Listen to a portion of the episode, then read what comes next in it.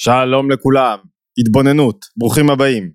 הנושא שלנו היום הוא איך מתמודדים עם כישלונות, עם בשורות לא טובות, בשורות רעות, שהדברים לא הולכים כפי שרצינו, כפי שתכננו, כפי שאנחנו מקווים שהם ילכו, שדברים מתפספסים לנו, שהפסדנו דברים מסוימים, איך מתמודדים, איך משנים את זווית הראייה, מה עושים. הרבה פעמים בשורות לא טובות מפילות אותי למטה, הן גורמות לי להיות חסר אנרגיות, לאבד את המוטיבציה, לא לרצות להמשיך ולעשות דברים. ולכן הכישלונות, או ננסח את זה הפוך, הצלחות מחזקות אותי, גורמות לי לרצות לעשות יותר. כישלונות הרבה פעמים יכולות ליצור את ההפך, איך מתמודדים. שמעתי את יובל נוח הררי, שרק שם המשפחה שלנו דומה, אבל אין בינינו שום קשר משפחתי, שמעתי אולי 2-3 דקות מאיזה ראיון שהיה לו, כשמישהו שאל אותו, מהו לדעתו הכישורים, הסקילס, המיומנות החשובה ביותר בעידן המודרני. בעידן הנוכחי, הוא כבר, עידן המודרני זה עידן רחב, בעידן הנוכחי של הבינה המלאכותית, סליחה, מהו ה... מהי המיומנות החשובה ביותר שהיינו רוצים להקנות לילדים שלו, שלנו? זו השאלה. והתשובה שהוא ענה היא מעניינת, היא תשובה שאנחנו עונים אותה כל הזמן, התשובה היא חוסן נפשי, חוסן מנטלי. למה? כל אחד יכול להבין לבד. כי כשפתאום עבודות, משרות, נסגרות, כל מה שלמדנו יכול להיות לא רלוונטי בכלל לעידן אחר. מיומנויות ידע מסוימות פחות רלוונטיות לעידן העתידי. ועם ה-AI, עם הבינה המלאכותית, יש המון תחומים שכבר לא יהיה בהם צורך, אנשים משתמשים ב-AI, אומרים תראו איזה יופי, איך זה חסר לי זמן. הם לא מבינים שהחיסכון זמן הזה יהפוך אותם למיותרים.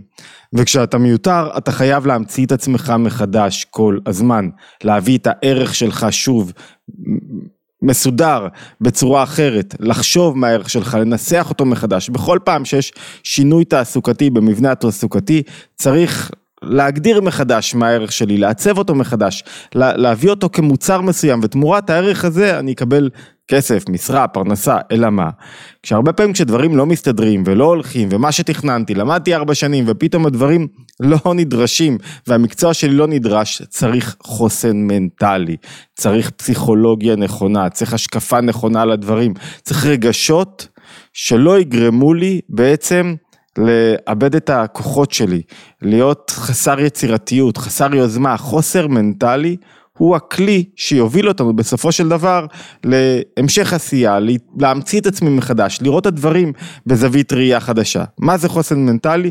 זה שאני מסוגל לא לתת לרגש אחד שבא לידי ביטוי כתוצאה מהכישלון, והרגש הזה יכול להיות עצבות או כעס או, או חרדה או, או דיכאון, לא לתת לו להתגבר עליי, לגרום להקטין אותו, לגרום לו לא להיות דומיננטי, ובמקומו לעורר רגשות אחרים שיולידו בי מוטיבציה ותשוקה, זאת אומרת סוד המוטיבציה, סוד האנרגטיות, זה הסוד גם שבסופו של דבר ממשיך חשיבה יצירתית, גורם לנו להמציא את עצמנו מחדש. בחור צעיר, כישרוני מאין כמוהו, שאין לו חוסן נפשי, זאת אומרת שאין לו את היכולת למנוע מרגשות לא רצויים להתגלות בו, רגשות שליליים, להשתלט עליו, רגשות שמקטינים אותו, שמרחיקים אותו, שעוזקים אותו, אם הוא לא יודע לגלות רגשות מוטיבציוניים, כוח מוטיבציוני חזק בנפש, לא יעזור לו שהוא מוכשר, כי הוא לא יהיה במה שיניע אותו קדימה, אנחנו רואים את זה כל יום, ולכן כל כך חשוב לגלות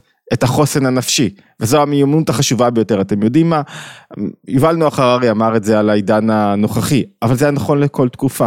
בכל עידן, בכל פעם שמישהו רוצה להתפתח ולא לחיות עם העבודה שלו בשגרה, שהוא בא לא צומח, שהיא אוכלת אותו מבפנים, שהוא לא חושב כל פעם מזווית ראייה חדשה, ממציא את עצמו מחדש, מתחדש במה שהוא עושה.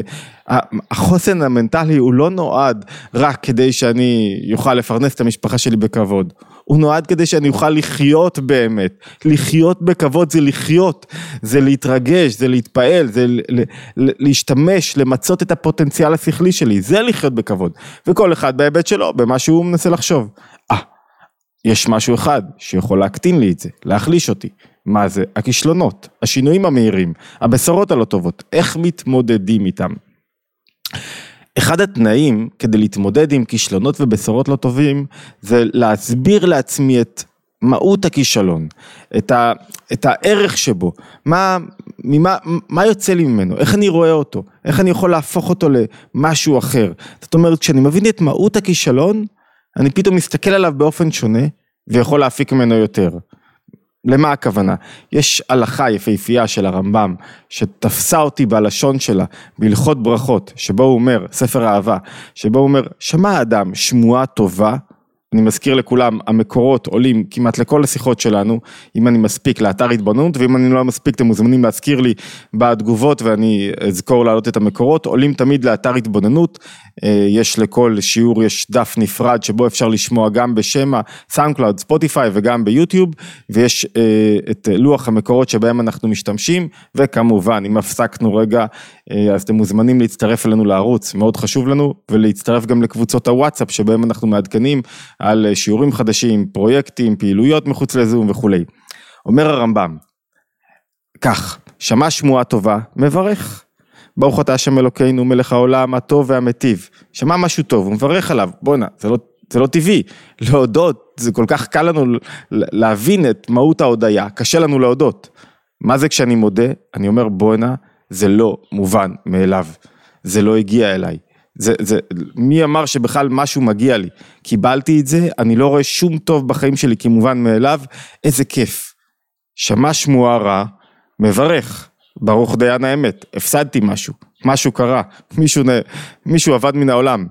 וחייב אדם, זה הלשון שבשבילה הבאתי את הרמב"ם הזה, וחייב אדם לברך על הרע בטוב נפש.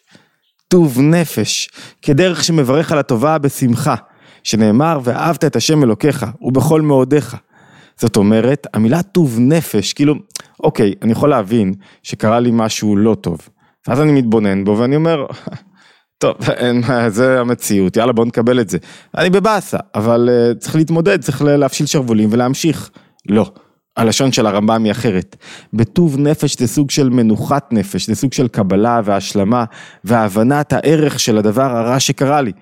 ובכלל האהבה היתרה שנצטווינו בה אפילו בעת שיצר לו, שיש לו צר לו, קשה לו, שיש לו משהו שמצר לו על הנפש, יודה וישבח בשמחה.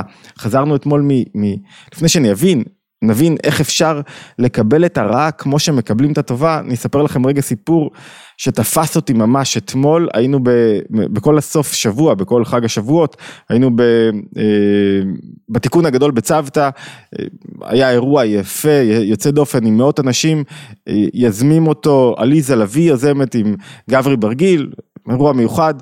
והייתה מרים פרץ, ומרים פרץ כולם יודעים את ההתמודדות שלה ואת שני הבנים שהיא איבדה, אוריאל ואלירז, וסיפרה שם שאחרי, היה לה התמודדות איך היא מקבלת אחרי נפילת הבן הראשון, אחרי זה נפילת הבן השני, בעלה, כל הקשיים, ואז היה לה משהו קשה יותר מכל. היא חיכתה כל כך לנכד, נכד זה כפרה קצת, זה חיים חדשים, ואז נולד לה נכד, והתברר שהוא, אמ, יש לו בעיה, הוא על הרצף, אבל בדרגה גבוהה על הרצף. ו, ו, אחרי זה, והיא אמרה שהיא התאבלה על הילד הזה, היא סיפרה בעצמה, אז אני מרשה לעצמי לספר, היא התאבלה על הילד הזה אפילו יותר מאשר על הבנים האחרים, כי, כי זה כל כך קשה ההתמודדות. אז חיכו עוד לבן, לנכד הנוסף, וגם הוא נולד על הרצף עם איזו התמודדות לא פשוטה. והבן שלה ראה אותה, את הקושי, ואמר לה, מברכים על הרעה כשם שמברכים על הטובה. על פי הרבי מלובביץ', ילד שמתמודד, יש לו נפש מאוד גבוהה, וזה חבר'ה עם נפש מאוד גבוהה, וזה המתנה, הוא אמר שקיבלנו, וזה כאילו פתאום נחה נפשי, היא כאילו קיבלה את זה בשמחה, וואו, זה, זה, זה הנכדים שלי שאני אוהבת אותם, זו המציאות שלי שאני אוהבת, אבל איך אפשר? מרים פרץ היא אישה נדירה, איך אפשר באמת, שאתה מקבל פתאום זבנגים, לפעמים אנחנו הולכים למקומות קשים, דרמטיים, ואז לומדים על חיי היומיום שלנו. ישנו במלון חמישה כוכבים, קרלטון על הים, הכל היה כמו שצריך, מפנק. פתאום אני שם לב שאני קם בבוקר וכאילו ממורמר קצת, משהו מרגיז אותי. אחרי מעט שעות שינה, כאילו, מה זה הנוף הזה? מפריע לי פה עכשיו ללמוד, שמישהו ייקח את הנוף הזה וישים לי איזה קיר כאן, וזה לא הלך לי, וזה לא הסתדר, ולא היה לי כף... כל מיני דברים כאלה קטנים, ואתה אומר בואנה, אתה במלון חמישה כוכבים, היו לך אחלה הרצאות אתמול בערב, מה, איך אתה מעז בכלל? זאת אומרת, איך אתה מעז להיות ממורמר ולא שמח וכאילו משהו קטן לא יסתדר לך בדיוק כמו שרצית? מה הנקודה? שלפעמים אנחנו לומדים ממקומות קשים, התמודדויות של אנשים גדולים עם דברים הרבה יותר קשים על חיי היום יום שלנו. לפעמים בשורות לא טובות, כישלונות זה בכלל בדברים הכי קטנים שיש, שעשיתי משהו והוא לא הסתדר כמו שרציתי ויש בו איזה סדק או משהו לא, וזה מוציא אותי משלוות הנפש. והרמב"ם אומר, בטוב נפש, יברך על הרעה כמו על הטובה. איך? בואו נתפוס את ההיגיון של לברך על ה... רעה כמו על הטובה, את ההיגיון של להתמודד עם כישלונות, כי ההיגיון הזה הוא זה שיעזור לנו להתמודד ברגע האמת, צריך לתפוס את ההיגיון, יש כמה נימוקים, לתפוס רגע כמה זוויות ראייה מהקל אל הכבד פחות או יותר.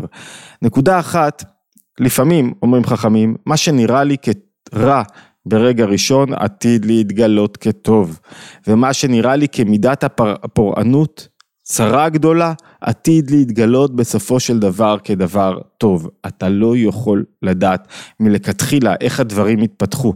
ובגלל שאתה לא יכול לדעת, אתה צריך לברך על כל מה שקורה לך, כי אתה לא יודע לאן זה ילך. אופציה אחת, אבל זה לא באמת מנחם. כי אני לא רוצה שמלכתחילה הדברים ילכו לו טוב. כשמישהו הרבה פעמים דברים לא הולכים לו טוב, אז הוא מנכס את עצמו בשפה פופולרית עוד יותר. הוא כאילו, הוא כאילו מסתכל על זה ואז הוא, הוא מאבד את הביטחון בדבר והוא גורם לכך שבמקום שהדברים ישתפרו וילכו ויעלו על המסלול הנכון, הוא גורם להם ללכת על המסלול הלא נכון. ודווקא השמחה וה, והלקבל את הדברים עוזרים לו להשתפר, ללמוד, להבין מה קרה פה ולצאת מזה, לא להגיד בואנה הכל קרה כנגדי. נקודה שנייה, אין רע בלי טוב. אין כזה דבר רע בלי טוב ואין טוב בלי רע, מאז חטא הדם הקדמון. ולכן הרבה פעמים כשקורה לנו משהו טוב, צריך לזכור שיכול להתגלות גם לידו משהו רע, זה נוגע לנקודה הראשונה קצת, אבל כשקורה לנו משהו רע, זה לא שאני מפריד ביניהם, יכול להיות שיש, אם אני אייסב את זווית הראייה, זה לא שלעתיד לבוא יתגלה הטוב, גם כעת, יש בתוך הרע הזה, בתוך הקושי, טוב, והמשימה שלי לגלות את הטוב, אני בוחר לראות את הטוב, אני מדגיש את הטוב, אני מוציא את הטוב, אני בוחר לראות את הדע, את הרע, את החיסרון, את ההיעדר, את הכישלון, אני בוחר, אני מוציא את הרע, את הכישלון ואת ההיעדר. בכל דבר יש כמה זוויות ראייה. אתה בוחר מה לראות, אוי נכשלתי, לא באו אנשים, לא עבד כמו שצריך, או תראה איך השפעת על מי שבא, תראה איך עשית דברים טובים למי שהיה כאן. בכל דבר אתה יכול ללמוד משהו ולהתפתח ממנו. עוד נקודה, שעוזרת לנו לראות, לקבל את הכישלונות ואת הקושי, זה לזכור, אומר אדמו"ר הזקן בתניא, בפרק כ"ו, שהמטרה של ייסורים היא תמיד חיובית. הוא אומר שהייסורים באים מעלמא דאטקסיה, מעולם הנעלה, הנשגב יותר, מעולם הנסתר. לעומת זאת, הדברים הטובים באים מעלמא דאתגליה, זאת אומרת, לקדוש ברוך הוא יש שתי דרכים שבהם הוא מנהל את העולם, קו החסד וקו הדין, הגבורה. לפעמים כשאנחנו חווים משהו שהוא חיובי וטוב, זה בא מקו החסד. לפעמים כשבאים, בא משהו קצת קשה לנו, זה בא מקו הגבורה וקו הדין.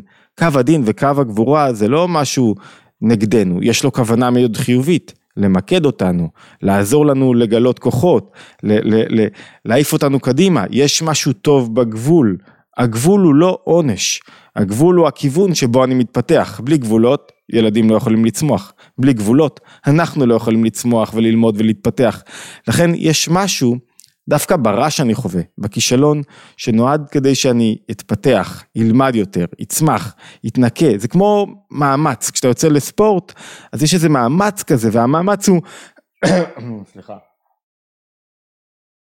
זה בגלל שדיברתי כל כך הרבה שעות בסוף שבוע האחרון.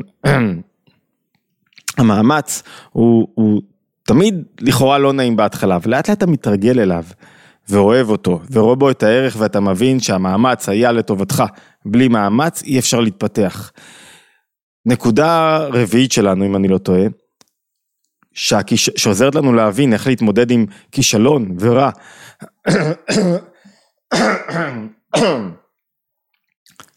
קושי שאני עומד מולו, הוא הרבה פעמים ניסיון עבורי. ניסיון כדי להראות שאני באמת אוחז בדבר, שאני באמת, יש לי מטרה אמיתית, שיש לי שליחות אמיתית. כשמישהו לא כל כך סגור על עצמו ועושה משהו רק בגלל אינטרסים חיצוניים, רק בגלל רצון חיצוני, הוא לא בטוח ימשיך בדבר הזה. וקושי הכי קטן יפרק אותו, מי ממשיך, מי חזק, מי עומד מול קשיים, ומהלומות, ואי הצלחות, ומי שלא מתפעל מהרע ולא מתפעל מהעולם, זה מי שבתוך תוכו יודע שהוא מחובר היטב לנקודה והוא לא מתפעל מהעולם, והוא לא מתפעל מהקשיים. למה הוא לא מתפעל מהקשיים? זו הנקודה הכי חשובה. קשה לו, אבל הוא כאילו מעורר את עצמו לשמחה מעליהם. למה הוא מקבל את הייסורים בשמחה? למה? אומר את זה הרמב"ם בהמשך, בהמשך ההלכה. הוא אומר, ובכלל ובכל מאודיך ובכלל האהבה היתרה שנצטווינו בה. שאפילו בעת שיצר לו, יודה וישבח בשמחה. כשאתה אוהב מישהו מאוד, ואתה מרגיש שאתה שליח של האהבה הזאת, ואתה מגלה אותה בעולם, הכל שווה בעיניך. כאילו, כל מה שמביאים לך, זה לא מפריע לך, כי אהבה כל כך חזקה, אתה כל כך מחובר לדבר שאתה אוהב, אז אתה לא מתפעל מקשיים שיש בדרך לאהבה. זאת אומרת, דוגמה פשוטה, אם אתה אוהב מישהו והוא גר רחוק, אז המרחק לא, לא, לא עושה עבורך עניין, אבל אם לפני שהתאהבת אומרים לך בוא תכיר מישהו, מישהי שגרים רחוק, לא, בסדר, רחוק לי מדי, למה שאני מראש אני אכניס את עצמי למיטה כזאת בעייתית? זאת אומרת, אחרי האהבה, מה שנראה לנו מלכתחילה כמעט בלתי אפשרי וקשה, אחרי האהבה הוא, הוא, הוא, הוא, הוא כמעט לא, לא נתפס כקושי, וזה מה שאומר הרמב"ם. כשאתה בא לך יסורים וקושי בטוב נפש, תקבל אותם. למה? כי יש לך אהבה גדולה לבורא, שבורא בכל רגע את המציאות. זאת אומרת, הוא, הוא יוצר את המציאות במיוחד עבורך בכל רגע ורגע.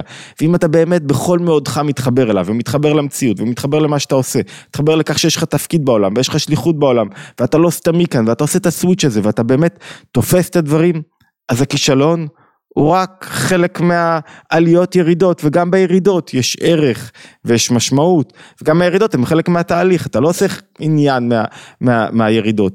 יש משפט ביור של הבעל שם טוב על ושיוויתי השם לנגדי תמיד שהכל שווה בעיניי כשאני משחרר קצת את מה אני רוצה ומתחבר לרצון יותר גבוה ממני הרצון של השליחות שלי הרצון של מה שאני צריך לעשות וזה מתחבר גם לנקודה הקודמת. אז זה לא משנה לי תיתן לי קפה, לא תיתן לי קפה, אני במלון כזה, אני במלון אחר, לא באתי בשביל המלון, לא באתי בשביל דברים אחרים, באתי בשביל לקיים את השליחות שלי ולכל אדם בכל רגע יש שליחות.